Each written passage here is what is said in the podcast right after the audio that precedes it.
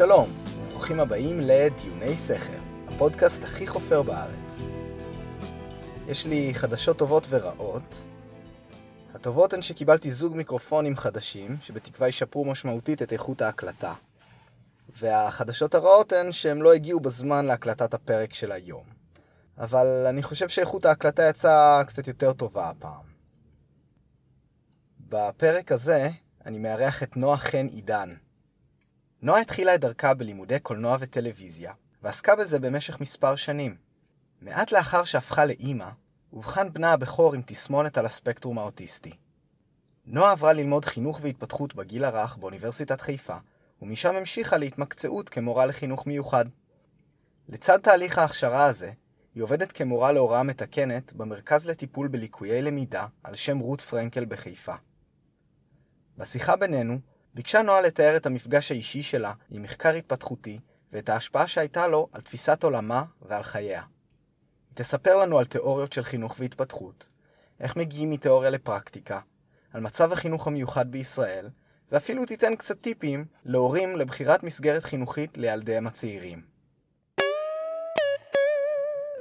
אני נמצא פה עם נועה חן עידן. שלום נועה. שלום, שלום שובל. אה, על מה היית רוצה לדבר איתנו היום? הבנתי שיש לך איזושהי התייחסות לפרק הראשון שלנו, נכון. שבכללי הוא דן בתפקידו של המזל כקובע נגיד הצלחה בחיים או גורל בחיים, אבל גם התמקדנו שם הרבה על הנושא הזה של אינטליגנציה. והיה לך מה להגיד על הנושא הזה אז אני, אני אשמח לשמוע.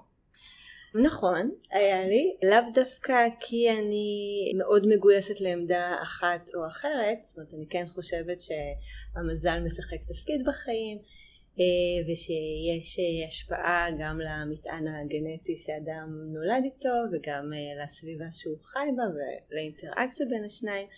אני בחרתי להתייחס לזה גם כי אני עורכת תוכן בעברי אוהבת שיש מין קשר בין הדברים ככה, מין חוט שמתפתל, חוט מחשבתי מתפתל וגם בשביל אה, לאפיין את נקודת הכניסה שלי לתוך תחום שהיה חדש עבורי שזה תחום החשיבה על התפתחות שהוא לא רק תחום של חשיבה על התפתחות אלא גם הוא תחום יישומי של קידום התפתחות של מתן עזרה, של מתן סעד, הוא ככה מתפרס להמון המון המון תחומים mm-hmm.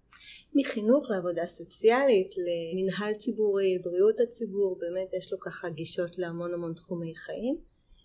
ואני נכנסתי לשם בתור אימא שהבן שלה אובחן שנתיים לפני שהתחלתי את ה... ללמוד את התחום הזה באופן מסודר. הבן שלי אה, אובחן עם איזושהי תסמונת נוירולוגית שהפרוגנוזה ההתפתחותית שלה הייתה לא משהו. ולצד כל העיבוד של הדבר הזה אה, איכשהו התגלגלתי ללמוד את זה וכשאני מסתכלת על זה בדיעבד באיזושהי רפלקציה אני מבינה שכאילו נכנסתי לתחום הזה עם המשאלה לגלות שאינטליגנציה או בכלל נקרא לזה פוטנציאל התפתחותי של אדם הוא לא קבוע. זאת אומרת הוא באמת אה, אה, הוא גמיש הוא מושפע מכל מיני דברים שהסביבה יכולה לעשות על דרך החיוב, זאת אומרת סביבה שהיא מגויסת לקדם התפתחות של, אה, של אינדיבידואל, תוכל באמת לקדם אותו. ונורא רציתי להאמין שזה קיים, זאת אומרת כל מיני תיאוריות שפחות תמכו בזה איכשהו קצת עצמתי את עיניי, ותיאוריות שכן אה, קידמו את זה יותר, הייתי יותר אה, להוטה ללמוד אותן. אוקיי, okay, תוכלי להגיד את זה רגע אה, בצורה מסודרת, אז בעצם יש לנו כאן כביכול שתי אסכולות. מה שאת רצית להאמין בו ומה שאני, אם אני מבין מהכיוון הזה, יצא שבסוף השתכנעת לכיוון אה, אחר אפשר להגיד. אז, אז בואי רגע רק נציג את השתי אסכולות okay, האלה. אוקיי, אז, אז האמת שעשיתי עוול מסוים, זה לא באמת שתי אסכולות, זאת אומרת בכל התחום פסיכולוגיה, מחקר ההתפתחות נקרא לו, אה, מופיע מין אה, ויכוח שהוא ככה מתמשך לאורך הדורות, שהוא נקרא ויכוח סביבה טבע. זאת אומרת האם הטבע משפיע יותר על אה, התפתחותו של אדם או הסביבה. זאת אומרת אין, אין לזה באמת, אה, אה, אין, אין אסכולה שאומרת זה רק הטבע ואין אסכולה שאומרת זה רק הסביבה. היו בעבר נגיד כל מיני אסכולות התנהגותיות יותר, הלכו יותר לכיוון הסביבתי, אסכולות מהותניות יותר, הלכו יותר, שזה אולי יותר ההתחלה של מדעי המוח, הלכו יותר למטען המולד שאדם mm-hmm. מגיע איתו לעולם, והיום ההבנה היא שזה משולב, זאת אומרת שזה, יש בהחלט חשיבות למה שאדם נולד איתו, יש בהחלט חשיבות לסביבה שבה הוא גדל ומתעצב, ו... ובעצם זה מין שאלה של מה, מה, מה, מה הם האיזונים, מה, מה משפיע על מה, מה... אוקיי, אני אנסח את זה קצת אחרת. למה יש כוח יותר גדול, כוח משיכה יותר גדול שמושך את המערכת אליו.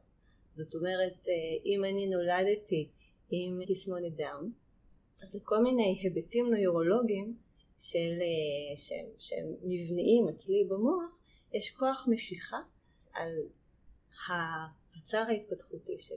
זאת אומרת, הם לא, הם לא הדבר היחיד שמשפיע, אבל הם, הם מושכים את המערכת כן. לכיוון הזה. אני חושב שבמקרי, נקרא לזה רגע מקרי קצה, של דברים כמו תסמונת דאון, לאנשים באמת מאוד מאוד ברור שההשפעה הגנטית היא חד משמעית. אה, וכשהולכים אל הכיוון שהוא יותר אה, רציף שם ובתחום האפור לאנשים אולי קצת יותר קשה לראות את זה או לקבל את זה. אז האמת שגם, ב... האמת שאנחנו כולנו על הרצף, שזה מין אה, משפט שנהיה פופולרי, אבל אנחנו כולנו על הרצף כי אנחנו כולנו מושפעים וגם אחד הדברים שאתה מגלה כשאתה באמת עושה את הזום אין על הנושא שגם דברים כמו תסמונת דאון שהם נראים לך מאוד hardwired לתוך הבן אדם גם שם יש המון המון השפעה לכל ים האינטראקציות שקורה שם. מחקר מעניין שקראתי למשל על הנושא ראה שאימהות של ילדים, של תינוקות או של פעוטות עם תסמונת דאון שהיו מאוד uh, תגובתיות uh, מול הילדים שלהם כשהם היו צעירים, בני מספר חודשים ככל שהילדים הולכים ומתבגרים או שהפעוטות שלהם מתבגרים הם פשוט נהיות פחות תגובתיות מולם, פחות, מחפשים, פחות מעודדות את התקשורת. כאילו יש באמת מין ממשק שהוא הדדי, גם מה שהילד מביא איתו, גם מה שההורה מביא איתו, ואיך הם שניהם מגיבים על אחד מול השני. אני, אני, לא, אני לא בטוח שהבנתי את מה שאת אומרת. את אומרת ש... אוקיי, דיברת על הורים עם... אה, הורים לילדים עם תסמונת דאון? למשל, כן. אוקיי, אז בכזה מצב את אומרת שהורה בהתחלה הילד נולד והוא מאוד מאוד מגיב אליו? אני מדברת על מחקר ספציפי. כן, כן, כן, במחקר הזה אני לא, לא הבנתי כן, את המסקנות כן, שלו. כן, המחקר, המחקר בעצם לקח, אה, אה, הסתכל על הורים לתינוקות עם תסמונת דאון והשווה אותם לקבוצת הביקורת של הורים, של אימהות יותר נכון לתינוקות בעלי התפתחות אה, טיפיקלית. וראה שבנקודת הזמן הראשונית האימהות התנהגו אותו דבר. זאת אומרת, הם עודדו את התינוקות לשיח, לתקשורת, להתנסות באותו, באותה רמה. כן. אה, ואז בגלל השונות בין האוכלוסיות, השונות הנוירולוגית שהיא הופכת להיות שונות התפתחותית, שיש אה, תינוק שהוא פחות מתנסה ואולי קצת פחות מגיב ואולי קצת פחות אינטראקטיבי, אז האימא באופן אה, אה, שמגיעים לזה באותו מחקר, אני לא אומרת שום דבר כן, על באותו מחקר, אה, ניסתה פחות, זאת אומרת כשמדדו mm, אותם, כי לא קיבלה את הפידבק אפשר בדיוק, להגיד, המשוב, כן. המשוב הזה הוא, הוא מהותי, בעיקר בריקוד העדין ההתפתחותי הזה שבין הורים וילדים, ילדים הרי מתפתחים בחסות ההורים שלהם, הסביבה שלהם שמושכת אותם להתנסות ולהיות איתם בקשר, הם פחות עשו את זה, ולכן כל הסתכלות שבאה ואומרת יש כאן פחות, הזיכרון עבודה כאן יותר מצומצם או יכולת הקידוד בזיכרון הארוך יותר אה, מצומצמת ולכן הנתיב ההתפתחותי מושפע מכך, הסתכלות מאוד חלקית כי, כי הדברים הם, אה, הם הוליסטיים, הם קשורים אחד כן, לשני. כן, כן, כן, יש כאן איזשהו פידבק uh, לופ מה נכון, שנקרא וקשה להבדיל את זה. נכון. כן, זה מעניין. הבנתי, אוקיי. אז תגידי, בעצם את התחלת להגיד אז בעצם שאת ניגשת אל, ה... כן. אל העולם הזה מתוך נכון. איזושהי מטרה למצוא משהו, ש... נכון. משהו אחד. כן, שהייתי בעצם גם, זאת, אני מגיעה במקור מ... מעולם אה, של מדעי הרוח, של אומנויות, שזה מין גישה כזו הרבה יותר אולי חופשית, היא יותר אינדיבידואליסטית באופי שלה, ועם הגישה האינדיבידואליסטית הזו אני הגעתי לתחום שלפחות בעשורים האחרונים מאוד חשוב למי שמוביל אותו באמת אה, לאפיין אותו כמחקר אמפירי בעל כוח, כוח מחקרי, זאת אומרת אסכולה ש, שהנתונים שהיא אוספת במחקרים שהיא מבצעת משפיעים על עיצוב של עמדות של מנהל ציבורי, של מדיניות ממשלתית, זאת אומרת ממש משפיעים על גורלות של אנשים. אז עם העמדה הקצת אה, אחרת הזו הגעתי למין תחום שהנקודות, הממשקים שלו למציאות ולחברה הרבה יותר אה, חזקים ובעיקר רציתי לראות באמת איפה, איפה אני מגלה את הסוד, איפה אני מגלה את הסוד הגדול של איך אני כאימא יכולה לבוא לבן שלי שהטבע חנן אותו בפחות יכולת ולהרחיב את היכולת הזו וכמובן גם באיזשהו מקום קצת התקווה של כל הורה לילד עם לקות להביא אותו אל הנורמה ההתפתחותית. וזה כל הזמן ככה היה ברקע וחיפשתי וחיפשתי ולא לא כל כך מצאתי ואז עשיתי את, ה, את הדבר שנראה לי הכי רלוונטי או שהפתרון הכי אה, מתאים שמצאתי. פשוט לקחתי את התיאוריה הכי מסובכת אה, על התפתחות שמצאתי ואמרתי אני אקרא את זה מספיק פעמים ונקרא את זה עוד פעם ונקרא את זה עוד פעם עד שאני אה, אגלה את הסוד, אני אגלה את סוד ההתפתחות הגדול. אז על איזה, על איזה תיאוריה מדובר? יש לה שם? אה, יש לה שם, למרות שזה מין שם, השם שלה ספציפית זה נקרא תיאוריית המערכות הדינמיות והיא שייכת למין חטיבה של אה, תיאוריות שהן גם נקראות לפעמים תיאוריות, תיאוריות של מערכות, מה שאולי מתקרב יותר לתחום שלך.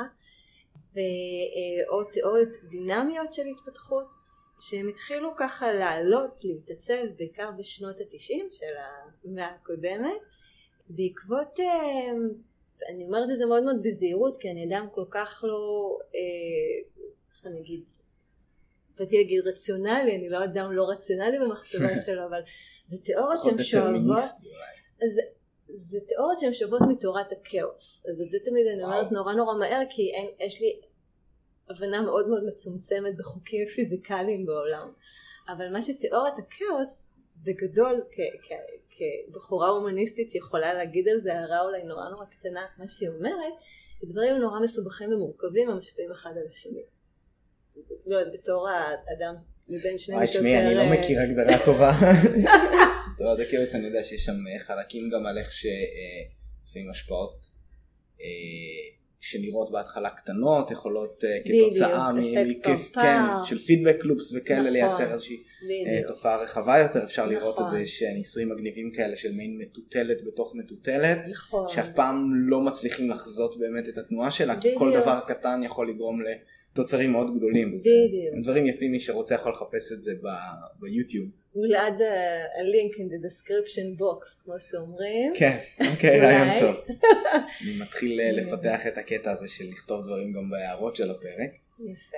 התפתחות, התפתחות זה דבר נאמר. כן, אז תגידי, אז התיאוריה הזו בעצם, היא, היא, היא באה להסביר באופן כללי, אמ, בהקשר שלך לפחות, את התפתחות האדם, או את ה... או את ה ואיך נכנס העניין הזה של צרכים מיוחדים בתוך התיאוריה הזאת. ואיך נכנס העניין הקטן הזה של הכאוס בתוך כן. העניין. אה, מה שרלוונטי, או מה שאני הרגשתי שרלוונטי, שהמודלים הקיימים של התפתחות עד לאותה נקודה בזמן פחות או יותר, שמדברים על שנות ה-80-90, היו מאוד מאוד אה, פשטניים וליניאריים באופי שלהם, זאת אומרת שיש איזשהו גורם והגורם הזה מייצר אה, אה, איזשהו אפקט ושההתפתחות היא אה, מתבצעת בשלבים.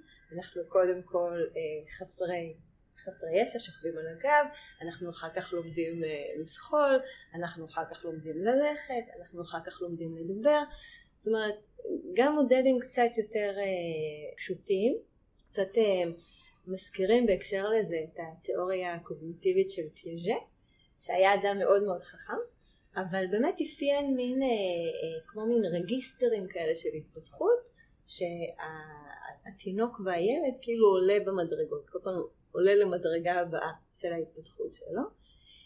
ואם אתה מחזיק בראש שדברים הם נורא מסובכים ורב מערכתיים, ושדברים הם מסי, אז, אז המדרגות האלה המאוד מאוד מסודרות לא מסתדרות לך ביחד. בעצם זה, אפשר לקרוא לזה, זה כאילו מחשבה של סיבוך. אם אני, אם אני מחזיקה באמונה שה, שהמציאות היא מסובכת, זאת אומרת שהמציאות היא לא פשטנית, תיאוריות פשטניות, כל מיני עמדות שבאות ואומרות לי הדברים הם פשוטים וברורים, לא מסתדרים לי ביחד. אז, אז חשיבה דינמית באמת אה, זה דווקא מין תיאוריה שהיא מאוד מאוד מאוד מכניסטית בהסתכלות שלה על הדברים. זאת אומרת, יש, יש המון המון מערכות קטנות בתוך הגוף, ויש המון המון מערכות מחוץ לגוף, וכל הצבר הזה, הכל ביחד, הוא גם מין מערכת אחת גדולה כזו, ש, שדברים זזים בתוכה ומשפיעים אחד על השני, ומייצרים מין בלאגן עליז כזה, מרכזי כוח בתוכו, באמת איזושהי אה, הסתכלות כמו של מכונה. אז מה, מה לי ולעמדה הסנטימנטלית הגדולה שלי, שלי עם ההסתכלות המכנית הזו? לא יודעת, לא לגמרי יודעת. האמת, האמת יש, לי, יש לי שאלה. אוקיי, אז בעצם מה שאת אומרת שנעשה פה, אה, אני, אני אוהב להשתמש במילה אה, מודל. אז בעצם את מדברת על זה שעד שלב מסוים במדע הזה היו מודלים מאוד מאוד פשטניים. נכון. אה, שזה הגיוני, בדרך כלל בחיתוליו של כל אה, כזה תחום אה, מתחיל עם איזשהו מודל פשטני. ואני חושב שחשוב להגיד שאיך שאני רואה את הדברים האלה, וזה משהו שאני למדתי לאורך ה... הלימודים שלי באוניברסיטה, זה שצריך לנסות להיפטר ממילים כמו המודל הזה הוא נכון. Mm-hmm.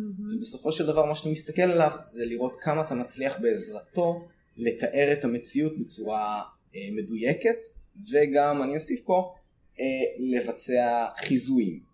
אז נגיד אם המודל המאוד מאוד פשוט שלך אפשר להסתכל על ילד ולהגיד אוקיי הילד הזה מתפתח תקין נכון. אה, ובמקרים הממש בעייתיים לזהות שהילד לא, לא מתפתח תקין אבל במצבי ביניים נגיד לא הצלחת כי המודל היה מאוד גס ולא הצליח mm-hmm. בדיוק לתפוס אבל עדיין היה יותר טוב מכלום. ועכשיו את מציגה בפנינו מעין מודל אחר שלוקח בחשבון כל מיני אה, תת מערכות והקישוריות ביניהם וזה נשמע אה, מאוד מאוד נכון, אני חושב שכמעט כל דבר שאתה תרד לעומק שלו אתה, אתה תמצא איזשהו משהו כזה. ואז השאלה שלי בעצם זה אם זה, זה אה, רק הגיע למצב שבו אוקיי עכשיו אנחנו חכמים יותר אנחנו יכולים להגיד שמדובר פה בהרבה הרבה מערכות ומה שהיה קודם היה פשטני? בדיוק. מה האם זה הוכיח את עצמו? האם היה אפשר להגיד אוקיי עכשיו אנחנו מצליחים למדל את כל הנושא הזה של ההתפתחות בצורה טובה יותר, אנחנו מסוגלים לראות, נגיד אה, כשזה נוגע למקרה האינדיבידואלי של ילד מסוים, לאפיין אותו באמת בתוך איזושהי נישה יותר מסוימת ולא רק במה שנקרא מברשת רחבה, להגיד אתה ככה, אתה ככה. אז בעצם השאלה היא אה, עד כמה מודל כזה כוללני מצליח בעצם לתת איזושהי תועלת על פני מה שהיה לפניו. האם ניתן לבצע בעזרתו איזה שהם איזה שהם חיזויים, איזה שהם מסקנות ש, ש, ש, שעוזרות בעצם למי שמתעסק בתחום. אז השאלה נהדרת, והתשובה היא לא. זאת אומרת, זה, אני כמובן, אני רגע אסייג. אחת הסיבות שזה תיאוריה או איזושהי חטיבה תיאורטית שהיא נשארה קצת קוריוז, אה, ולא באמת שינתה את פני הדברים, היא שהמודלים היישומיים שהתפתחו בעקבותיה היו מאוד מאוד מסובכים. כי משהו כל כך רב ממדי ושולח את זרועותיו לאין סוף כיוונים, תחשוב מה המודל המחקרי שאדם צריך אה, לפתח בעקבות זה. היו כמה מחקרים שניסו אה, לאמץ את העיקרים האלה, היו מאוד מסובכים ולאו דווקא תפסו תאוצה. מה שכן אפשר לראות זה שחשיבה דינמית על התפתחות השאירה טביעת אצבע, שאחרי דברים היו אחרים. זאת אומרת, הטביעת אצבע הזו היא באמת, אה, אני חושבת שכל אדם, בין אם הוא חוקר ובין אם הוא מטפל ובין אם הוא מחנך, יש לו איזושהי נגיעה לתחום ההתפתחותי שהוא בא, בא אליה גם עם, עם איזשהו סדר יום של, של אקטיביזם, זאת אומרת של רצון להשפיע, לעשות שינוי מיטיב על התפתחות של אדם, אז הוא מחויב להחזיק כל מיני רעיונות דינמיים בראשו, למשל, באמת את ההקשר המערכתי. דברים הם מאוד מערכתיים, יש איזשהו אפקט פרפר, יש אה, כל מיני משתנים שאני לא יכול לחזות ולנבא באופן מדויק וליניארי מה תהיה ההשפעה שלהם, אני צריך לפעול בתוך המכלול הזה. כאמור שדברים הם לא ליניאריים אלא פועלים בכל מיני סדרי גודל שונים וכן הלאה. אה, אני יכול רגע להיכנס כן, פה? כן, אוקיי, כנס, אני רוצה כנס, טיפה לחבר את את, זכות ה, את, המחשבה. המ, את המאזינים, כי מרגיש לי שאנחנו מגיעים לנקודה שבה צריך להגדיר מהי נגיד תוכנית התערבות. או, יפה מאוד. או למה צריך מחקר התפתחותי בכלל? כן, כן, ונחבר קצת לפרקטיקה ונראה לי שמשם אנחנו גם נוכל קצת להתחבר למה קורה או לא קורה אה, אצלנו בארץ, נכון. בהתאם לכל הידע והמודלים האלה ש, שקמו נכון. בעשרות שנים האחרונות. תוכנית התערבות. אוקיי, אז אמרנו, היה לנו תיאוריה. אנחנו מתחילים מתיאוריה. תיאוריה מנסה להגדיר אה, איזושהי אמת לגבי העולם. שמי שמנסח אותה, מחזיק אותה. הוא יכול להגיע לזה בתוך מחקר, הוא יכול את המחקר שלו לעשות בעקבות התיאוריה, אבל התיאוריה מנסה להצביע על, על דבר מה שמתקיים בעולם ושאנחנו מחזיקים אותו כבעל תיקוף. אז או, בוא נאמר, לאחר התיאוריה יש את המחקר או ה- המודל המחקרי שהיא מולידה, שבה אני בודק בעצם האם התיאוריה הזו נכונה, או לחילופין אני לוקח, לוקח את תוצאות, תוצאות המחקר ומנסח, אה, מרחיב את התיאוריה או מנסח תיאוריה אה, קצת אחרת. כן נגיד, אני חושב שאיך נכון. שאני מכיר את זה מהכיוון היותר מדעי זה שבאמת אה, מתחבר מאוד למה שאמרת. אז בעצם יש, יש לך איזושהי תיאוריה, כמובן שלפניה עוד יש איזושהי היפותזה, אתה מאשש, ומתי שזה מגיע לאיזושהי רמת. ודאות, כן, אני שוכחת כל החלקים האמפיריים האלה. כן. אתה מגיע נגיד לאיזושהי רמת ודאות שאתה יכול לקרוא לה כבר תיאוריה. אה, ואז מה שקורה זה שקיימת תיאוריה, לפעמים יש גם כמה תיאוריות מתחרות וזה בסדר, ואז מישהו מחליט שהוא רוצה לתכנן איזשהו ניסוי שהוא בהשראת התיאוריה הזאת, אם זה בא אה, לנסות להרחיב אותה, לנסות לתקן אותה, הרבה פעמים אתה גם לא יודע מה בדיוק יצא. אבל אתה רוצה לבדוק איזושהי תופעה ולראות אם היא מסתדרת עם מה שהתיאוריה אומרת. אתה מתכנן איזשהו ניסוי, אה, מבצע בדרך כלל איזשהו חיזוי אפשר להגיד לפי התיאוריה ואז בודק בניסוי שלך האם החיזוי הזה תפס אה, ברמה הסטטיסטית ואם כן אז אתה אומר יופי הנה התיאוריה הזו גם משליכה על ככה וככה וככה ואם זה לא אז אתה בודק האם אפשר לעשות איזשהו תיקון ועדיין להישאר בתוך התיאוריה שאתה אומר חבר'ה די פסלתי את התיאוריה הזו לגמרי מה שאני גיליתי פה הוא לחלוטין אה, סותר את מה שנאמר שם שזה נדיר יותר. אז איך זה מתחבר למה, ש... למה שאמרת? אז, זה- אז, אז או, או, או נשאלת השאלה מהי תוכנית התערבות. נכון. אז נכון כי יש תיאוריה, זאת אומרת יש את התיאוריה, יש כל מיני מחשבות מלומדות ומחקרים שמראים ויש את מה שקורה במציאות עצמה שהיא מייצרת בעיות שצריך לפתור אותן. למשל, בהקשר של כל מיני תוכניות התערבות שנעשו בארץ, היה מקרה של תינוקת, של פעוטה, בשנות ה-80, שנקראה מורן דנמיאס, הייתה קורבן להתעללות בתוך המשפחה. ונוצר מין מצב כזה שהיה שם קרוב משפחה שהתעלל בה פיזית, הייתה סביבה שידעה מזה אבל מכל מיני סיבות היה לה לא נעים להגיד.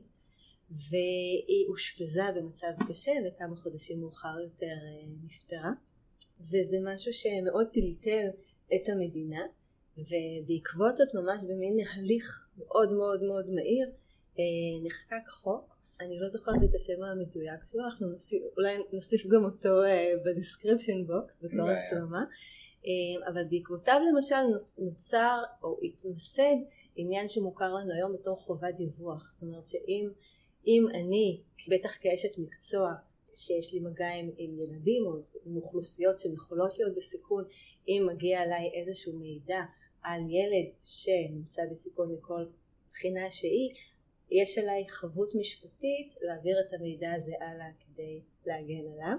וזה מין דוגמה שבה באה התיאוריה והתיאוריה נגיד במקרה הזה אמרה באה ואמרה זאת אומרת שילדים אה, הם מתפתחים בתוך הסביבה שלהם ובתוך הסביבה הזו יכולים להיות כל מיני גורמי סיכון שמתלכדים להם ביחד ושהממסד האקדמי החוקר הוא, הוא גם נותן רוח גבית לממסד הממשלתי או הציבורי אה, להגן על האוכלוסיות האלה. זאת אומרת כל התיאוריה הזו הרזון דטרה שלה זה איך אה, למנוע מצבי סיכון, איך לקדם רווחה של אנשים, של ילדים, של אוכלוסיות שנוכל לזהות שהרווחה שלהם נמצאת בסיכון.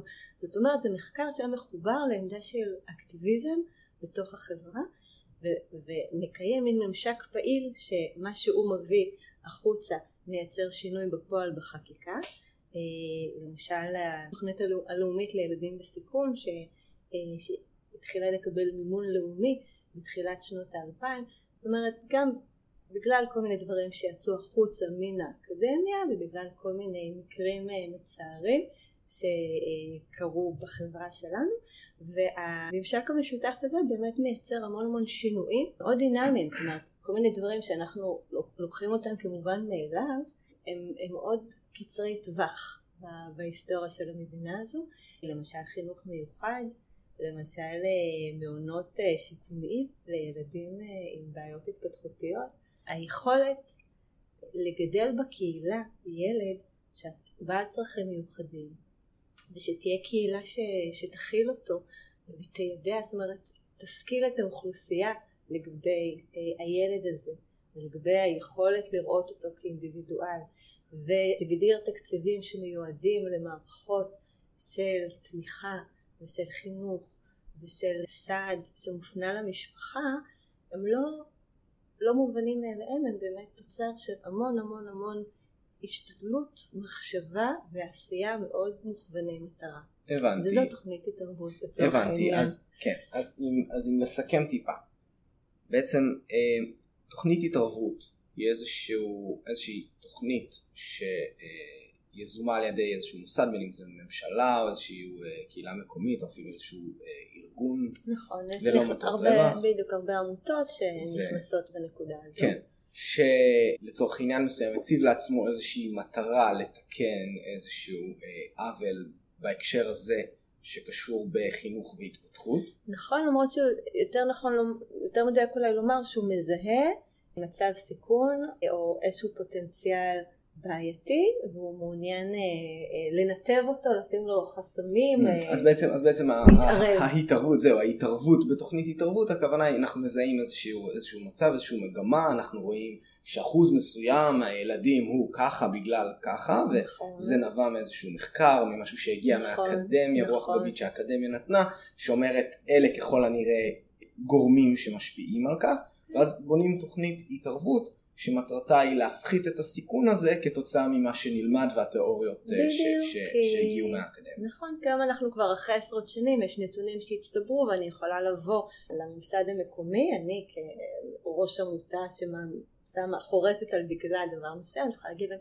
לפי הנתונים שלי, של עשרות שנים, ככל שתוכנית ההתערבות מתחילה מוקדם יותר, בחייו של ילד, ההישגים שלהם גבוהים יותר, זאת אומרת זה כבר משהו שיש לו תיקוף. ולכן אה, זה תמיד עבודה משותפת בין השטח אה, או מה שנקרא השדה לבין המחקר האקדמי ואחד אה, מזין את השני וככה מתקדמים קדימה.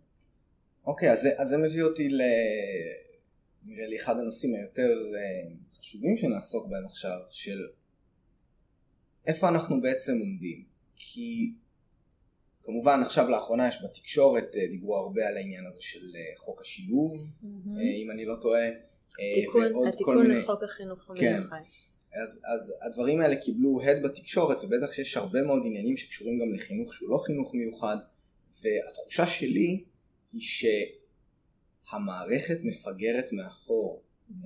על פני מה שיודעים מבחינת אקדמיה, מבחינה מחקרית, מבחינת תיאוריות, המערכת מפגרת כמה עשרות שנים לפעמים mm-hmm. מאחור ונראה שמאוד מאוד מאוד קשה להזיז ולשנות שם שזה אפילו לא תמיד בעיה תקציבית. הרבה פעמים אפשר לצמצם את זה לבעיה תקציבית אבל הרבה פעמים זה איזשהו קיבוע שהוא גם מעבר לזה. זו התחושה שאני מקבל אז איפה לדעתך ישראל עומדת מבחינת מה שידוע כבר היום באקדמיה לעומת מה קורה בשטח, בחינוך הרגיל, בחינוך המיוחד? התשובה לזה היא די uh, מתחלקת לשניים. uh, יש, יש היום כעס מאוד מאוד גדול, אנחנו מדברים, אנחנו בימים שאני חושבת שהתיקון הזה או כמעט עבר או ממש או כבר עבר. רוצה לתת לנו עליו באופן כללי גם רקע? מה, על מה מדובר פה בעצם? הרקע, גם הרקע שאני יודעת עליו הוא לא מאוד מאוד גדול, אני יכולה להגיד לך שהייתה ועדת דורנר לפני כמה שנים, פחות מעשור לדעתי, שהיא בחנה את הנעשה בתחומי החינוך המיוחד והגיעה למסקנה שמסגרות חינוך מיוחד לילדים עם, עם כל מיני לקויות או קשיים או צרכים מיוחדים הן קצת מתנהלות כמין מסלול נפרד, מסלול עוקף חיים טיפיקליים ונורמטיביים ומסלילות ילדים כאמור אנחנו מחזיקים בעמדה התפתחותית, אנחנו לא יכולים לנבא למה, מה יהיה התוצר ההתפתחותי של ילד בגיל ארבע, גם אם יש לו קשיים מאוד מאוד ניכרים, אנחנו לא יכולים אפקט הפרפר, אני לא יכולה לבוא ולהגיד ככה הוא יראה, אבל מוסדות חינוך המיוחד, כי מתוך, מתוך הדינמיקה שהם מייצרים, לוקחים ילדים בגילאים מאוד מאוד רכים ומסלילים אותם להתקיים במסגרות נפרדות משאר האוכלוסייה. כשהמחקר ההתפתחותי והמחקר החינוכי על פני העשורים האחרונים מראים לנו שדווקא מגמה של שילוב, זאת אומרת ככל שאני אה, עוזרת לאדם בעל שונות להשתלב באוכלוסייה שסביבו, זאת אומרת להכיר בשונות שלו, לא, לא מנסה לנרמל אותו, אני מנסה אה, בכל כוחי, זאת אומרת גם לקדם אותו וגם אה, לשלב אותו, כך אני בעצם אה, תורמת לה, לאפשרות שהוא יחיה חיים משולבים בתוך החברה שסביבו.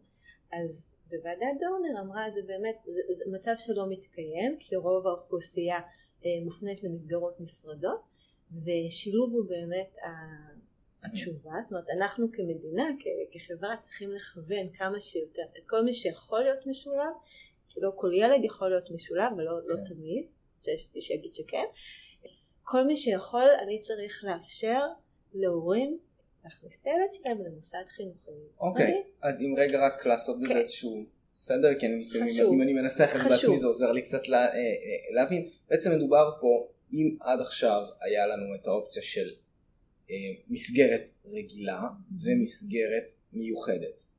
אם ילד מצליח להתאים את עצמו, נגיד רגע במרכאות, לתוך המסגרת הרגילה, אז הוא נשאר בה. כאילו, אם היית לוקחת ילד מיוחד ושמה אותו במסגרת רגילה, זה לא היה אפשרי כי המסגרת היא מתאימה, היא לא מתאימה לצרכים שלו. ומצד שני לשים אותו במסגרת נפרדת גם לזה יש את הנזיקים. ובעצם מדברים פה על לקחת ילד ולשלב אותו בתוך מסגרת רגילה אבל כן להכיר בשונות שלו וכן להכיר בצרכים מיוחדים שלו אבל בתוך מסגרת רגילה. נכון, ואנחנו, ומה ששכחנו לומר זה את הדבר הכי הכי חשוב, שלא הילד צריך להתאים את עצמו למסגרת, המסגרת צריכה להתאים את עצמה לילד. אם אני מספיק אינקלוסיבית כחברה, כארגון חינוכי, כחוג אחר הצהריים לג'ודו, אם אני מספיק אינקלוסיבית בתפיסת העולם שלי, בתקצובים שלי, במשאבים שלי, אני, אני יכולה להכניס את כולם, אני יכולה להתמודד עם כל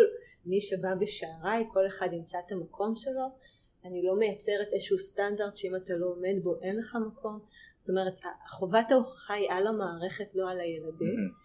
שבאופן מסורתי אז היה, היה את המסגרת החינוכית או היה את הממסד החינוכי שהיה לו את כוח הסמכות אל מול ההורה, ההורה היה צריך לקבל את עמדת המערכת ולאורך השנים אתה רואה גם אה, מגמה של התחזקות, התחזקות של ההורים בתחום הזה, אה, שהורה בא מול המערכת ולפעמים מרגיש שהוא יודע יותר ממנה לגבי אה, היכולות של הילד, הפוטנציאל של הילד, ונוצר איזשהו קלאש. אז מה שדורנר אמרה, דורנר אמרה, אנחנו לא, המערכת לא צריכה להצר את צעדיהם של משפחות והורים, וכן לאפשר את ה...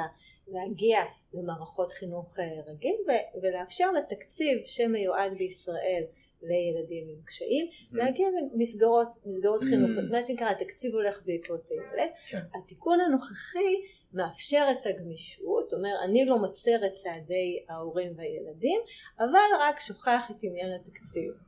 זאת אומרת מחזק תקצובים של מסגרות חינוך מיוחד ומכרסם בתקצוב של אה, מסגרות משלבות, ואני משאיר את הבחירה להורה. והביקורת הגדולה של אה, ההורים על זה, הם אומרים שהורה שיש לו כסף יכול לפצות על זה אה, בעצמו, לשכור סייעת, לשים את כמה אלפי השקלים שצריך בחודש בשביל לפצות על מה שאתה לא מקבל באופן ציבורי, אז הילד שלו יהיה משולב יותר ולא יוסלל אלא הוסטל, כמו שאומרים, הרבה פעמים בקהילות של הורים. אה, ומשפחות שלו. כן, איזשהו חוסר שוויון, חוסר, חוסר צדק שוויון, כזה. חוסר צדק וגם משהו שהולך כנגד המחקר. המחקר אומר אנחנו רואים ששילוב הוא, הוא העתיד זאת אומרת שוב לא נורמליזציה הכרה בשונות כן.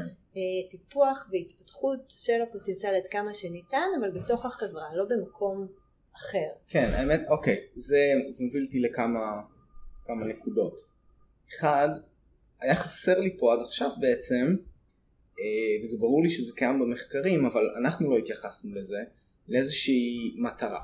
הרי כשאתה אומר שמשהו טוב יותר ממשהו אחר שתוכנית מסוימת היא טובה יותר מתוכנית אחרת בעצם איפשהו במקום אה, ברקע שם יש אידיאולוגיה יש איזושהי, זהו יש איזושהי הצהרה איזושהי אידיאולוגיה של לעשות את זה יוביל יותר טוב עכשיו מה זה טוב אתה אמור להיות מסוגל במידה מסוימת למדוד את זה, אז אתה צריך להגדיר. המטרה שלי היא שהילד הזה, כשהוא יגיע לגיל, לא יודע, 18, הוא יהיה מסוגל mm-hmm. להשתלב בשוק העבודה. נכון. הוא יהיה מסוגל אה, לספק את ה... אה, לחיות לבדו, או בתוך איזושהי קהילה, אבל לא בתוך איזשהו מוסד סגור. כאלה דברים נשמע כמובן, לי נשמע כמו מטרות מאוד מאוד הגיוניות, אבל אני חושב שחשוב להגיד את זה, אז בעצם כשאומרים ששילוב הוא טוב יותר, אני מתאר לעצמי שברקע שם יש איזושהי הגדרה של אה, מטרות, של איזושהי תועלת. אז נכון, אז מה, מה קצת... שיפה בתחום ההתפתחותי, שגם לתחום ההתפתחות יש אה, היסטוריה, שהוא רצף התפתחות של מחשבה, ובאמת אתה יכול לראות בעשורים הקודמים שהיה איזשהו אה, סטטוס קוו שאומר אני רוצה להביא אוכלוסייה שנקרא לה אוכלוסייה מיוחדת, אני רוצה להביא אותה באמת לתפקוד עצמאי. שתהיה כמה שיותר דומה לאוכלוסייה הרגילה, בוא נאמר ככה, שאני לא אצטרך אה, לתקצב אותה באופן ניכר, זאת אומרת שהיא תהיה self-sufficient, איך אומרים בעברית self-sufficient? תוכל לדאוג לעצמה בעצמה עד כמה שניתן. אה, זאת אומרת הדגש היה תפקודי. הדגש מצד אחד נותר תפקודי, אני, אני רוצה לקדם, אבל גם אה, נכנס, נכנסה הרבה הסתכלות על שאר רוח. על, אה, על פוליטיקה של זהות. זאת אומרת, אם אני אדבר קצת אולי על אוטיזם, נורא נורא בזהירות, כי אני לא על הספקטרום האוטיסטי, ואני נורא נזהרת לא לדבר בקול של אה, מי שכן, אבל אם נדבר קצת על אנשים שהם על הספקטרום האוטיסטי, ונמצאים על איזשהו מגוון מאוד מאוד מאוד רחב של, אה, של השפעות אה, שיש אה, לתסמונת עליהם, יש ערך לזהות שלי, זאת אומרת, אם אני, אם אני גדל בתוך אה, איזושהי מערכת שנורא נורא מנסה לנטרל את הסממנים השונים שלי, ש- שהנראות שלי תהיה נורמטיבית, שאני אלך ברחוב ואני לא אנפנף בידיים שלי, שאני אדבר, שאני אדע ככה לדבר מין שיח כזה, אה, שיחת נימוסים שהיא נראית. אם אני צריך אה, ללמוד את כל הדברים האלה, מה זה אומר על הזהות שלי? זאת אומרת, זה שאני מאמץ את הסממנים של הנורמטיבי, לא אומר שאני עצמי נהיה, נורמטיבי ובכלל גם מה זה נורמטיבי? כאילו יש היום הרבה יותר ערך או שאלה עיסוק הרבה יותר גדול בזהות עצמית. ולכן היום אומרים יש בספקטרום האוטיסטי יש השלכה על הזהות העצמית של אדם. זאת אומרת זה אנשים שכנראה משהו בחוויה החושית חווייתית רגשית שלהם בעולם לא נורמטיבי או לא טיפיקלי בוא נאמר זה ככה אנחנו מדברים על הנורמה אנחנו מדברים על משהו שהוא טיפ, טיפיקלי באמת בשביל להימנע מהשיפוט. כן. אוקיי? כי, כי זו רוח הדברים היום. לי אין יכולת הגדרה ערכית שלך אוקיי? גם אם אתה אה, עם, עם שתי רגליים או עם רגל רק אחת או אני לא יכולה לבוא ולהגיד עליך אתה פחות אה, בן אדם ממני אבל זה, זה נשמע לי, מה שאת אומרת פה נשמע לי כמו אמצעי, ולא כמטרה.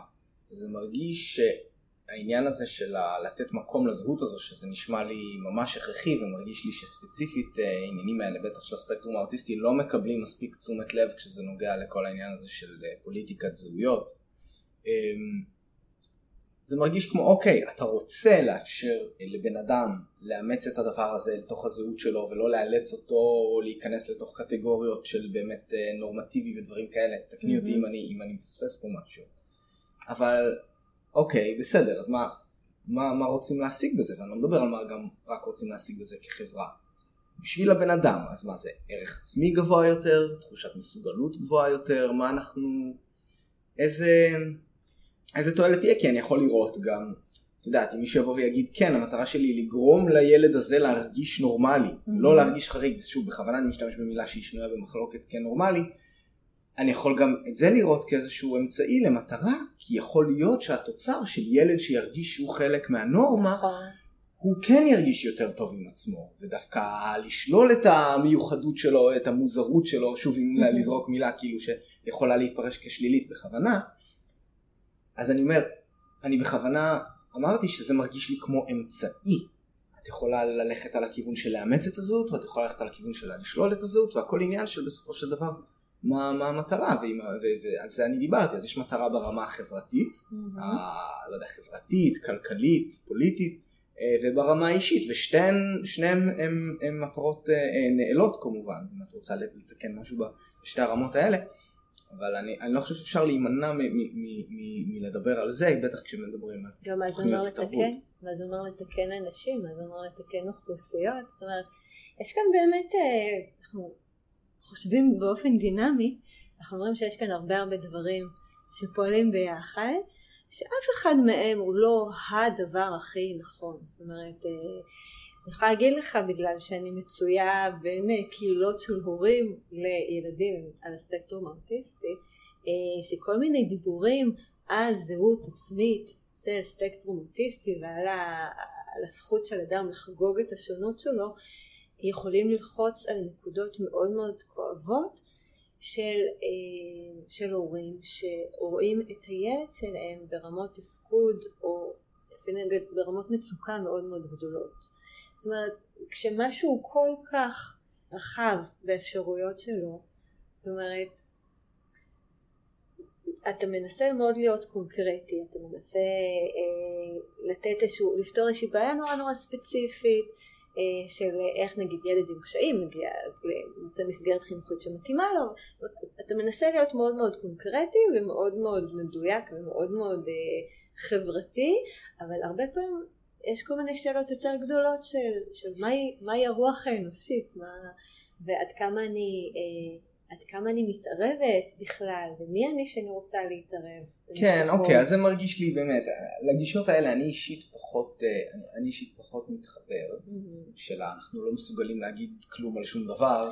בדיוק, זה, נכון, אני לא, זה, אני זה לא, בעיה של כן. מודלים שהם נורא נורא רחבים, כן. ונכון. כן, אני חושב שבואי נסתכל רגע באמת, דיברנו על תועלת בכל מיני מקומות, בואי. נסתכל רגע על הורה, באמת, כהורה לילד מיוחד. הוא רוצה עבור הילד שלו, אני מתאר לעצמי פחות או יותר את מה שכל הורה רוצה, לתת לו כלים להסתדר בעולם בלעדיו, בלעדי ההורה, הרי בסופו של דבר שוב, אני חושב שמה שאני אומר הוא, הוא יחסית לא שנוי במחלוקת עכשיו, ש, שהמטרה של הורה, מבחינת הילד שלו, מה שהוא יגדיר כהצלחה זה אם הוא הצליח, את יודעת, במרכאות להכין את הילד לעולם, לתת לו את הכלים להתמודד עם העולם, כאלה דברים, ומה okay. אוקיי. שאני רואה, ואוקיי, יש, סבבה, זה, זה אחד, המטרה של המדינה נגיד, ופה אני, אני רגע אזרוק עוד משהו, אני אומר שהשקעה כלכלית אה, בילדים ובתוכניות התערבות, ובטח כשזה נוגע לחינוך המיוחד וגם בטח ובטח לחינוך כן. הכללי, הרי המדינה רוצה, וואי זה, זה מרגיש לי רע להגיד את זה, אבל כאילו איזושהי תמורה להשקעה שלה, ואני מרגיש שדווקא בכיוון הזה אין פה, אין פה סתירה, אני חושב שאם את אומרת שלהשקיע בילד בסכום מסוים, בתוכנית מסוימת, להשקיע עוד משאבים כדי לאפשר לו את זה, ואתה אומר למדינה, חבר'ה, אתם לא מפסידים מפה, תסתכלו, עוד 10-15 שנה הילד הזה יוכל להיכנס והוא יוכל נגיד לעבוד בעבודה שזה דבר נהדר ואתם לא תצטרכו לתמוך בו כל החיים. כאלה דברים.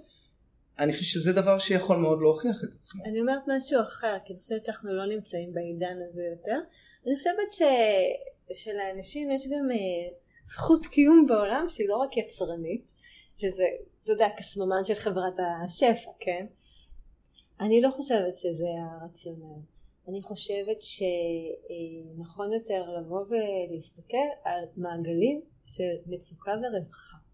זאת אומרת, אם אני אזרח אה, משלם מיסים ומעוגן בתוך החברה הזו ויש לי יחסים של אמון מולה, אז היחסים האלה הם נבחנים כאשר קורה לי משהו שמצריך mm-hmm. את העזרה של הממסד, הקהילה, המדינה כלפיי. אני מסכים עם זה לגמרי. אה, מהסיבה שלא פשוט לגדל ילד עם צרכים מיוחדים בסביבה שלא מכילה אותו, ש, שמדירה אותו החוצה מתוכה.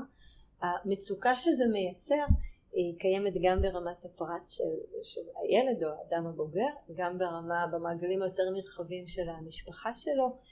יש הורים שמפסיקים לעבוד כי אין נגיד מסגרת לילד או אין, זה מייצר אה, קרע, זאת אומרת זה, זה, זה מרחף מעל זה מין סיכון אה, של קרע, של, אה, של התנתקות, של להישמט החוצה מתוך המרקם שסביבך.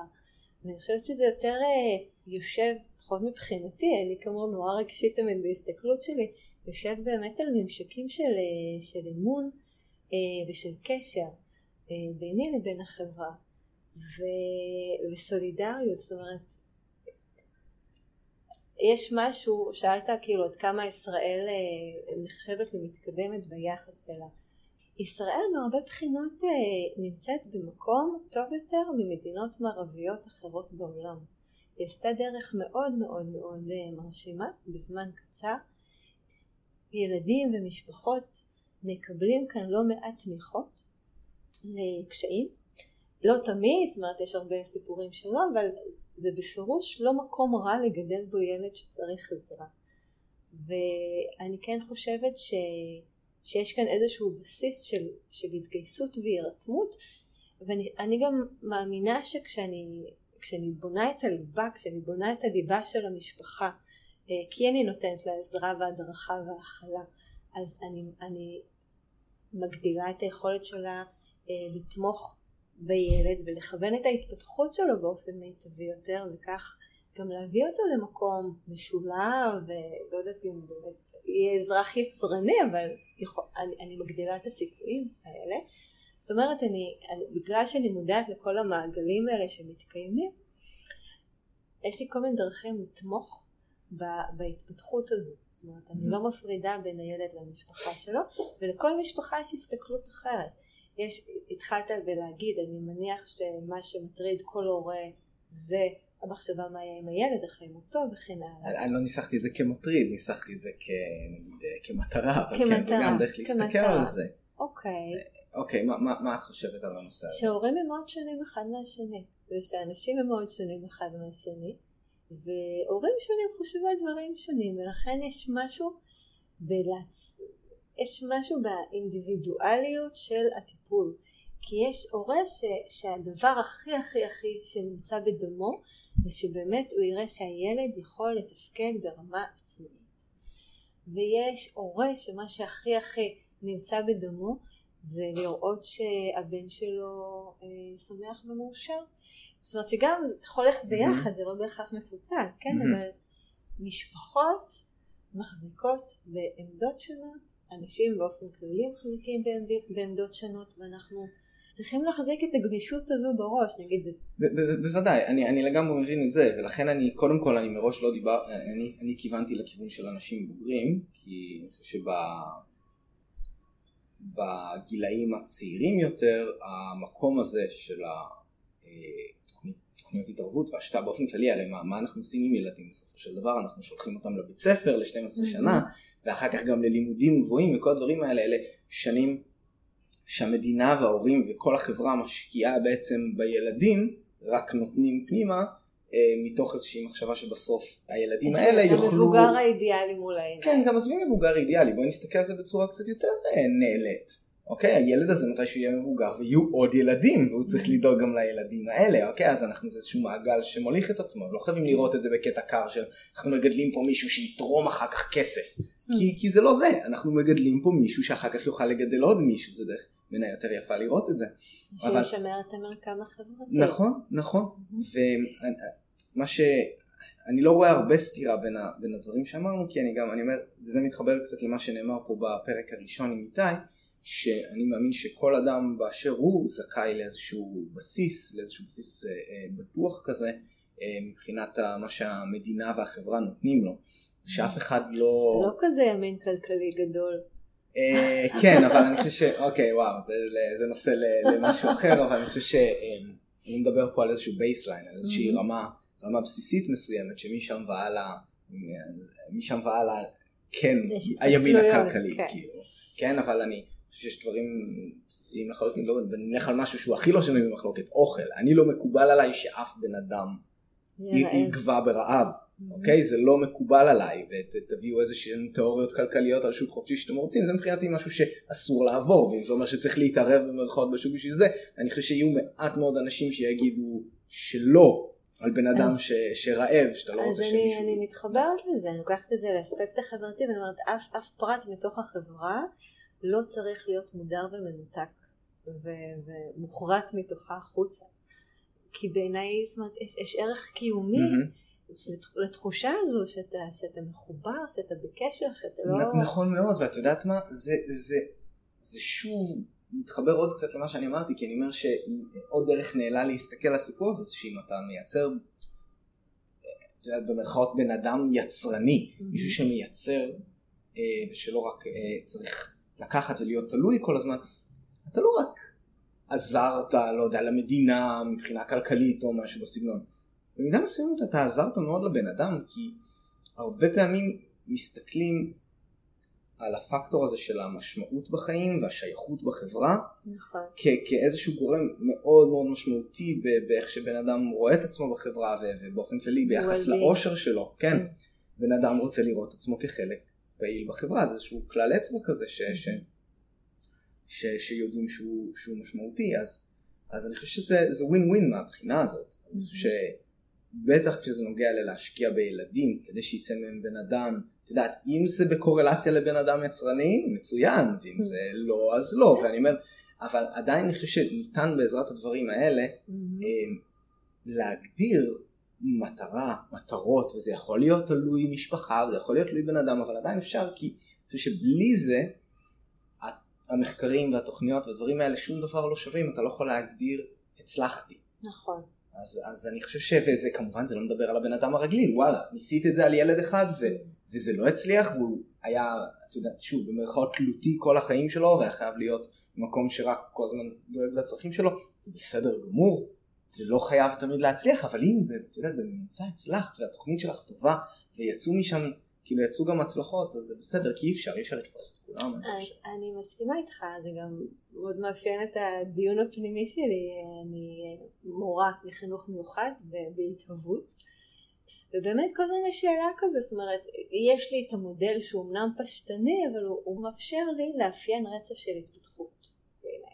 הילד לומד קריאה, רכש את כל אה, אותיות האלף-בית, רכש, אה, יודע לזהות קמץ, יודע לזהות אה, צירה, יודע, זאת אומרת, יש, יש משהו במודלים פשוטים שמגדיר פעולה מאוד מאוד מסוימת ומאפשר לי להעריך האם הפעולה שעשיתי, מה התוצר, האם התוצר שלה היה, האם ההיפותזה שלי הייתה, הוכיחה את עצמה, האם יצרתי התקדמות, האם יצרתי הטבה, וכל מיני מודלים נורא נורא גדולים ומסובכים, כן. אתה הולך לאיבוד. אז אני ממש חיה את הקונפליקט בין שתי הגישות בטח, האלה. וזה גם, גם קצת אה, חרב פיפיות כזאת, כן. כי, כי אתה מצד אחד אתה רוצה להיות מסוגל להיעזר בדברים, בידע שנרכש פה, אתה, אתה, אתה רוצה להיות מסוגל למדוד ולדעת למקם ילד מסוים מהמם. על איזשהו, על איזשהו טווח התפתחותי, מהמם. אבל מצד שני אתה לא רוצה לבנות על הדבר הזה במאה אחוז ולאבד את, ה, את הספציפיות של הילד הזה נכון, ומה מתאים לו, כי אז אתה. תיצור כאן איזושהי מערכת מאוד נכון. מאוד קרה אה, ומנוכרת שמנסה להתאים לכולם את אותו, את אותו דבר, אני חושבת שהטריק, איזשהו איזון עדין כזה. זהו, הטריק זה להחזיק, להחזיק פעם פה ופעם פה, זאת אומרת להיות מודע לכוח של הספציפיות, של המודל הליניארי, של אני מתקדם משלב לשלב, גם אם אני לא באמת מאמין ששלבים מוגדרים קיימים בעולם, מצד שני באמת להחזיק את, ה, את ההקשר היותר רחב, היותר דינמי, את המעגלים, נקרא לזה אקולוגיה, עוד לא אמרתי אקולוגיה, בדרך כלל מדברים על אה, תפיסות אקולוגיות של אדם בתוך המערכות שבתוכן הוא חי.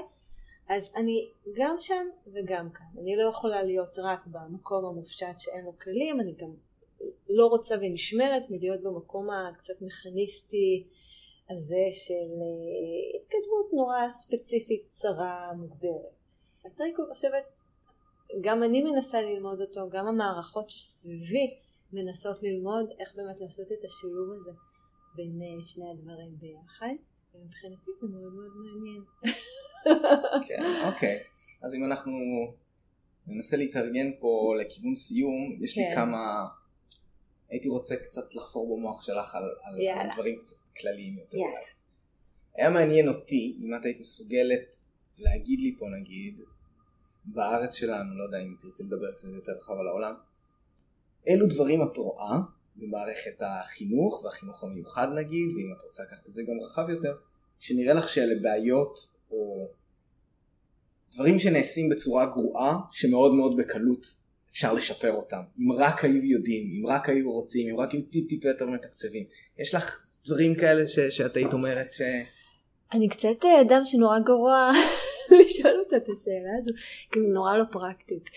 ואני מאוד מאוד מודעת לקשיים, לקשיים התפקודיים שלי כהורה. ואני אומרת, בסוף, לי, אני, אני אימא של, של ילד עם צרכים מיוחדים, ורוב הזמן אני לא לגמרי יודעת מה אני צריכה לעשות בנקודה הזו. זאת אומרת, ולכן אה, אני כאילו לא חושבת ש... לא יודעת, אני חייבת גם להגיד שהניסיון שלי מול מערכות, התמיכה בארץ היה מאוד מאוד חיובי, כאילו שגם מראה לך שיש ערך להיסטוריה. כן, זאת אומרת באמת, בגלל פעולה של הרבה מאוד אנשים טובים, מהרגע הראשון קיבלנו מענה, קיבלנו מענה יחסית מהיר, ו... ובעיקר הרגשנו את ההתגייסות של החברה לטובה, לטובתנו, לטובת הילד שלי.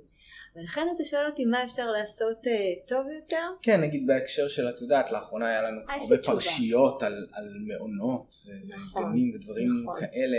אוקיי, אז, אז אני יכולה להגיד לך שאחד הדברים שאני ככה משתמשת בתור איזשהו כלל אצבע, אני בודקת איפה יש פיצולים ואיפה יש אינטגרציה.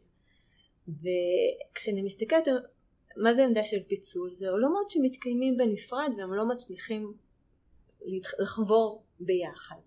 אז בחינוך מיוחד למשל, הניסיון הכי חיובי שלי בחינוך מיוחד זה כשהתחושה שנעשית חבירה של המסגרת, של המטפלים, של המחנכים עם המשפחה ועובדים ביחד סביב הילד ובאמת מייצרים איזושהי מעטפת מוכוונת שמודעת למטרות שלה ומצליחה להצעיד את כולם קדימה, לא רק את הילד אלא את כולם, אז קורים דברים יותר טובים. וזה תקף מבחינתך לכל אה, כן. מסגרת מהבחינה הזאת? מסגרת. כי אם לחזור למעונות, אתה רואה שיש הורה שלא ברור לו מה קורה במעון. זאת אומרת, זה- זה עולמות מפוצלים. עכשיו, גם אני, לפני שנכנסתי לתוך עולם ההתפתחות הקסום, הייתי סתם אה, אימא עובדת עם ילד במעון, לא ידעתי מה קורה שם. זאת אומרת, בחרתי, הסתובבתי, הייתי צריכה לבחור אה, מעון שהיה נראה לי על סמך כלום ידע קצת יותר בסדר. על איזה גיל מדובר של אה, הילד? הכנסתי את הילד שלי בגיל חמישה חודשים, שסיימתי את חופשת הלידה. אפס ידע, מה לבחור, מה לא לבחור, כל מיני שיקולים אה, זרים שנכנסו לשם, אני בסוף בחרתי במעון שהיה קצת יותר זול והוא היה בדרך לעבודה שלי, הבנתי. כן, שהייתה בכלל בעיר אחרת, ולא היה לי מושג מה קורה שם. ואתה מדחיק את זה שאין לך מושג מה קורה שם, כי אתה גם לא, זה, זה מאוד מאיים כאילו בכל האשמה, אני, איך אני משאירה את הילד שלי, הולכת לעבוד, ואתה צריך ככה להוריד את ה... להתחיל לפצל אה, בשביל לא, לא להתמודד עם זה רגשית, כי התחושה היא שאתה לא יכול לעשות גם וגם. התחושה היא שאתה לא יכול לעשות אינטגרציה של. הדברים האלה. אז איפה שאין אינטגרציה ויש פיצול, יש חרדה ויש אה, כל מיני דברים פחות טובים שקורים. למשל עם הבן שלי, אה, שהיו לו כל מיני קשיים התפתחותיים מאוד מאוד ניכרים, ולא הייתה עין של מבוגר אחראי בתוך המסגרת החינוכית שתראה את זה. ואני, בגלל שהייתי חיצונית, הייתי מביאה אותו בבוקר ואוספת אותו בצהריים, אז גם לא היה לי דרך לפקח על זה. וזה קצת אבל גם יושב על כל מיני מוסכמות של הילד מגיע לגיל מסוים, אתה שם אותו במסגרת ואתה קצת דיסינגייג' ממה שקורה לו שם. ו... האלטרנטיבה, אה, שזה האינטגרציה. האלטרנטיבה. היא להיות מעורב.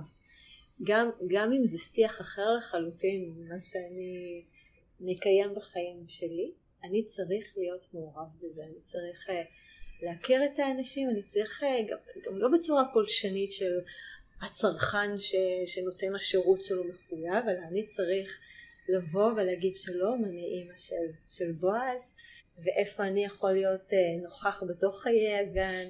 זאת אומרת, אתה צריך את המעורבות הזו, כי אחרת באמת אה, החרדה מרקיעה שחקים, וגם אין לך אפשרות לדעת מה קורה שם.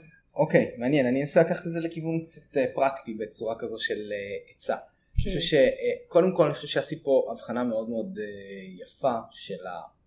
לראות, נגיד אם אנחנו מדברים פה עכשיו באמת על, על גנים ומעונות לתינוקות, לילדים מאוד קטנים, כן. צריך לשים לב שלא מסתכלים על הדבר הזה כעוד בית עסק, כעוד נותן שירות, כעוד נכון. מישהו שמשלמים לו והוא מספק לך איזשהו שירות. נכון. זה משהו נפרד, וצריך לחשוב על זה כ- כ- כמשהו אחר.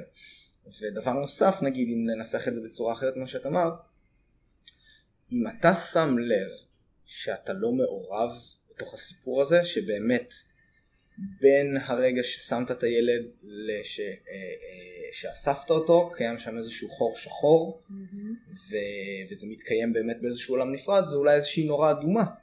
ש... שצריכה להידלק בעיקר בגילאים המאוד מאוד קטנים, שאומרת רגע, אני אולי צריך להיות קצת יותר מעורב. תזכורת, כן, כאילו, תשמע זה קשה, עבודה במשרה מלאה זה, זה חלק מ, מהמצב הקיים בהרבה מאוד משפחות, זאת אומרת זאת המציאות והרבה פעמים המעסיקים, יש מעסיקים שהם לא מוכוונים, זאת אומרת פעם בשבוע תצא יותר מוקדם לאסוף את הילד מהגן ותקבל על זה הרבה, הרבה מבטי תוכחה.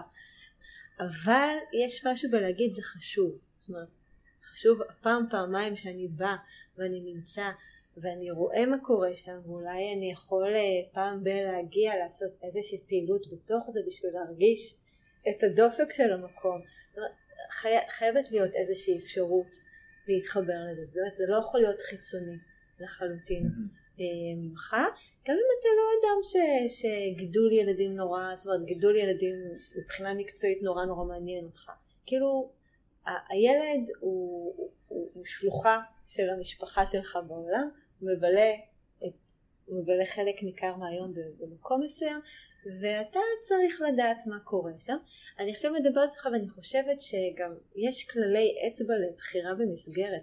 אני יודעת היום את מה שלא ידעתי פעם.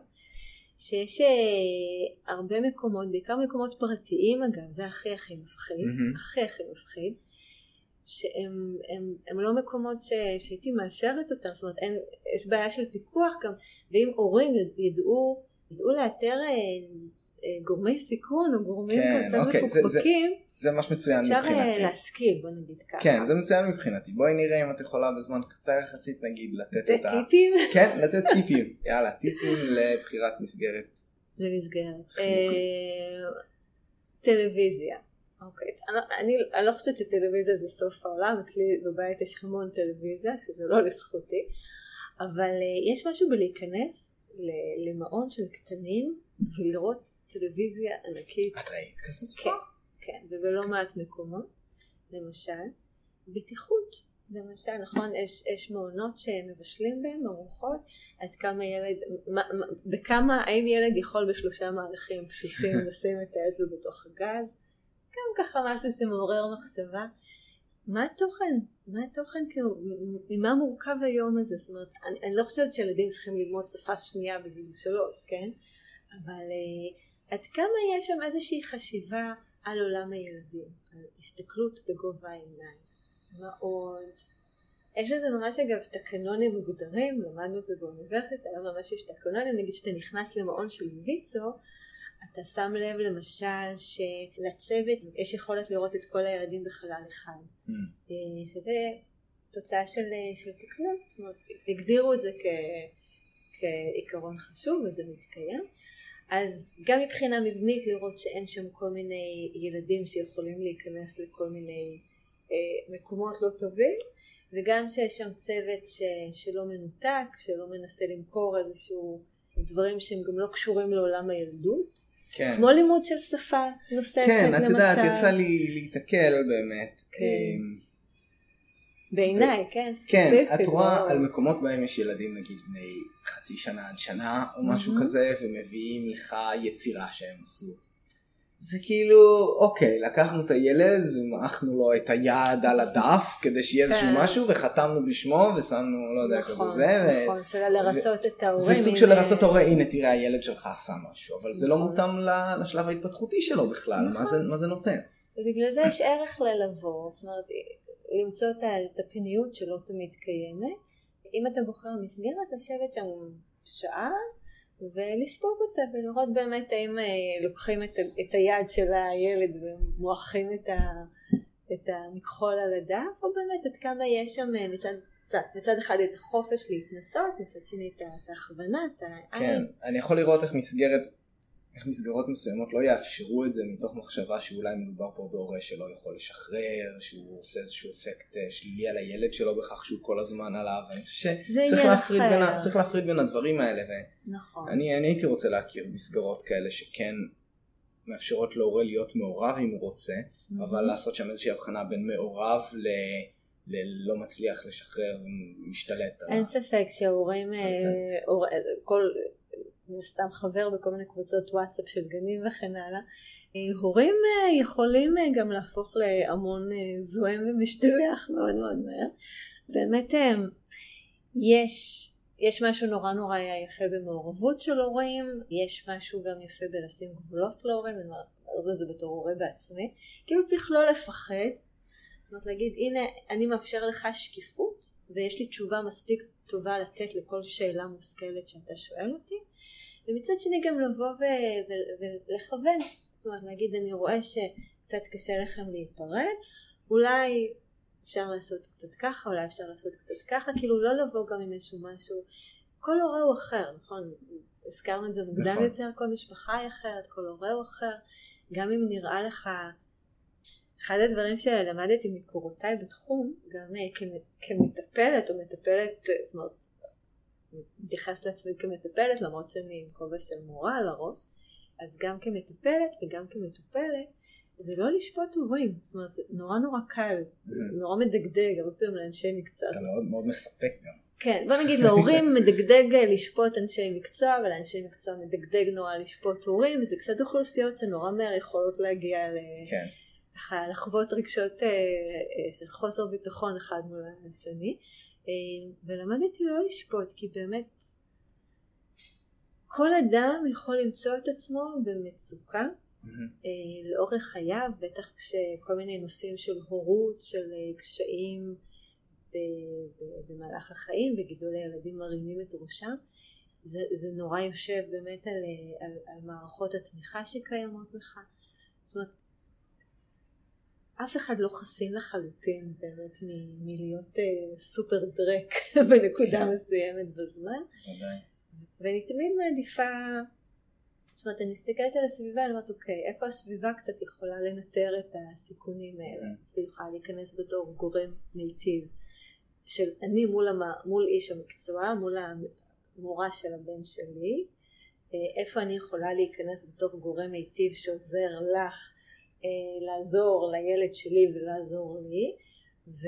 ומנגד איפה, איפה המורה יכולה להיכנס מולי כי תמיד אתה רואה, אתה רואה את המקומות הפחות מושלמים של כן. האדם שמולך. אז וכשאתה שם את השיפוט הזה בצד, אתה אומר איך אני יכול לעזור לך, כאילו אתה, אתה ממיר שיפוט באחווה, זה דרך להתקדם קדימה. נקודה מעניינת. כן. להמיר שיפוט ב- כן, שתת יד. כן, באחווה. אמ, אוקיי, אז אני חושב שבעצם נקודה אחרונה שתהיתי גם, כי זה משהו שהוא פשוט מאוד חזק בתקשורת לאחרונה. מה דעתך על הסיפור הזה של מצלמות בגנים ומעונות? כי אני, אני הייתי במידה מסוימת מאוד בעד זה, מתוך הכרה שכן מדובר פה באיזשהו אמ, פלסטר ששמים על מערכת שהיא שבורה לחלוטין. אה, קראתי איזשהו פוסט מעניין של שלי יחימוביץ' ב- אוקיי, בהקשר? הזה, והיא הייתה מאוד נגד.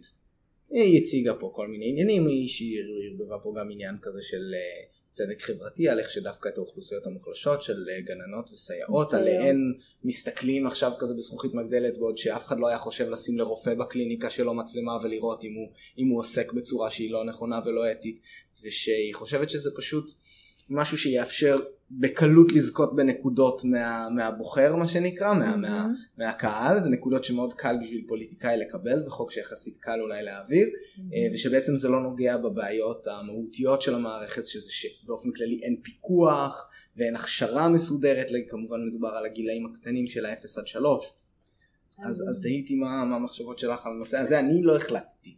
אז אני, אני, מזכירה את מה שאמרנו מוקדם יותר, שתמיד צריך, צריך שיד אחת תהיה שם ויד אחת תהיה שם. אז היד האחת, במקרה של המצלמות, אני חושבת ש... אה, והיה וזה היה נכנס כסטנדרט, זה היה טוב, כי זה מפחיד חרדה, צד אחד, מפחיד את החרדה של ההורים, וכשהורים אה, אה, נמצאים במקום פחות חרדתי, קל להם יותר לתת אמון. ומנגד זה מייצר איזשהו שיקוף לצוות, זאת אומרת התחושה שרואים אותי היא לאו דווקא מדכאת, היא גם יכולה להזכיר לי למה אני מחויבת. אני, אני, אני יודעת את זה מעצמי אגב, זאת אומרת, כמו, אתה יודע, מתי, מתי הבוס בחו"ל ואף אחד לא רואה אה, מה אני עושה במשרד ומה זה אומר על התפוקה של העבודה שלי. עכשיו, בטח כשאנחנו עובדים מול ילדים, סיפורים כמו מהי תפוקה של עבודה כשה, כשמי שנמצא בצד השני זה ילד, אז בטח שיש לזה חשיבות. מהצד השני, אם אני כבר באה ואומרת זה מספיק חשוב בשביל לקדם מהלך כזה, זה גם באמת מספיק חשוב בשביל להעצים את הצוותים שמגיעים mm-hmm. לעבוד שם, שזה חייב להתבטא, חייב, בסוף יש שום מערך שמממן את זה, אבל אה, כשמקצוע נהיה מספיק חשוב, הוא מקבל אה, תקצוב גבוה יותר, כי נהיית ערך להכשרה. מדברים הרבה על פינלנד, בתור מי שמובילה את החינוך העולמי, ובפינלנד לרוב הם מקדמים שם מגמה של מורים שנכנסים למערכת החינוך עם תואר שני. זאת אומרת, ואיזשהו תגמול, ש... תגמול הולם לעניין הזה. אז כן, זאת אומרת, אם אני מייצרת איזושהי סטנדרטיזציה של השכלה גבוהה יותר, שאני יכולה, זאת אומרת, מתוך הצוות הקיים, לפתח את היכולות. אגב, בשביל הרקורד, כן, בשביל להיות כן. סייעת בישראל, אני חושב שמספיק לנשום. כאילו, על, פני השטח, לא, לא, לא, לא, כי זה מסגרות פרטיות, הם מעסיקים את מי שהם רוצים. מסגרות כאילו, פרטיות. נכון. סייעות שפגשתי בימי חיי היו מדהימות, בעיקר במסגרות. לא, לא, לא, שלא תחשבי, לא, אני, לא, אני בטוח שיש נשים מדהימות שם, אני רק אומר שאין כרגע שום ביקורת על זה, ושגננת בגן פרטי יכולה להעסיק סייעת שאין לה כלום, שאלה, לא, לא נכון. אפילו תעודת בגרות, לפעמים לא אזרחות, כאילו לא, כאילו נכון. שום, שום דבר בסגנון הזה. נכון, אבל זה גם, אתה יודע, יש, יש הבדל אם, אם הייתה מגיעה סייעת בלי הכשרה למצב מבוסת יותר, שבו היא לא צריכה לטפל ב-30 ילדים mm-hmm. לבד, או עם עוד אה, אשת צוות אחת. אה, זאת אומרת, יש גם שאלות לגבי הסטנדרטיזציה של, אה, של יחס. בין כמות המטפלים לכמות הילדים, שגם מן הסתם משפיעים על שחיקה. אני חושבת שכל מסגרת שאתה בא, בא במגע עם אוכלוסייה, באופן אידיאלי או באופן מיטבי צריכה לכלול אפשרות של הדרכה ואיזושהי החזקה חיצונית כי, כי פשוט יש בתוך זה ממדים של שחיקה. בטח שזה נעשה בווליום גבוה, זאת אומרת מול הרבה מאוד ילדים ובתנאים mm. של לחץ ובאופן יומיומי, צריך שתהיה איזושהי מסגרת שתחזיק את זה. אני יותר אוהבת מסגרות ציבוריות מפרטיות כי, כי דווקא בהקשר ציבורי אם אתה מגדיר את זה כ- כערך, סטנדרטי, אה, אתה יכול להכניס את זה כסטנדרט. פרטי באמת, אה, אז יש לך פרטי שממותג מאוד, אה, בית הספר הריאלי בחיפה, כן. ויש לך פרטי שכמו מקומות אחרים ש... בטח, אנחנו מדברים גם כמובן נדבר על פרטי ברמת ה... באמת המעונות יום של הגילאים הקטנים שזה כן. כמעט ורק פרטי ואיפה שזה לא ש... פרטי זה דברים כמו ויצו או ארגונים בסגנון. כן. ש... אתה יודע, זה פשוט גם התלכדות של גורמי סיכון, אתה יודע, איפה שהפרטי, בשכונה אה, של משפחות, עם אה, רקע סוציו-אקונומי יותר, אה, מה שנקרא נמוך, זאת אומרת שיש יותר שעות עבודה של ההורים מול הבית, ופחות יכולת באמת לפקח על מה שקורה. זאת אומרת, גורמי סיכון שמתלכדים ביחד, נהיה ברוך. ו- ואנחנו כחברה, כ- כאיזשהו איך נקרא לזה, מנהל ציבורי או רצון להשפיע על מדיניות ציבורית, כן. צריכים לחשוב איפה, איפה, מה, הבלמים שאנחנו רוצים להציב לגורמי סיכון ו- ואיפה אנחנו רוצים להרים גורמי הגנה ככה בתור רשות תמרור. כן. אני חושבת שמצלמות בגנים ובבתי ספר כסטנדרט זה לא, זה לא רעיון רע. נשאלת השאלה מי יממן את זה. ואני כן גם נשאלת השאלה של מי יסתכל על זה, כן? כי זה נע פה על איזשהו ספקטרום שיש אה, גנים שמאפשרים להורים להסתכל על מה שקורה בגן, לא, אז, אז ויש... אנחנו אה, חוזרים, חוזרים גם לגבולות, זאת אומרת, ההורה הוא לא צרכן שרוצה למקסם את, אה, את, את כוח הכסף שלו על הגן, לא שמה, אלא באמת בתור מין תזכורת לשקיפות, וכך שאני מחויבת לשקיפות כאשת מקצוע, ככל מי שבא במגע עם אוכלוסייה שהיא קצת יותר בסיכון. אוקיי, בסדר. בסדר גמור. אני חושב שזו נקודה טובה להגיד בסיום. אז, אז יש לי disclaimer, כי בשיחה שלנו, אז, אז באמת, אז כל מיני רעיונות uh, שאני מסתובבת איתם כבר כמה שנים זכו לניסוח ראשוני, שאולי לא תמיד היה מדויק, ואם נאמר כאן משהו, זאת אומרת, אני, אני חושבת שהכללות על אוכלוסיות, על מכל סוג שהוא, על אה, אנשי מקצוע, על מסגרות, הם, אה, בעייתיות ולכן אה, אם משתמע מתוך הדברים הכללה גורפת כלשהו, כלשהי שעשיתי אני מאשימה את, את, את כושר הניסוח שלי ומתנצלת מראש. אנחנו מכוונים לקהל שהוא לא רגיש כל כך. תתפלא, תתפלא. הורים כן. וילדים זה ישר נהיה נכון, מאוד נכון, מאוד. לא שאלתי, בעצם לא דיברנו עליך כהורה. כן, זה עוד לא עלה פה. טרם עלה אולי אה, בתוכנית ממשיכה. זה הגיע בסוף, כן. אה, בסדר גמור. נועה, תודה רבה שבאת לפה להיפגש איתי, וניפגש בפרק הבא של דיוני שכל.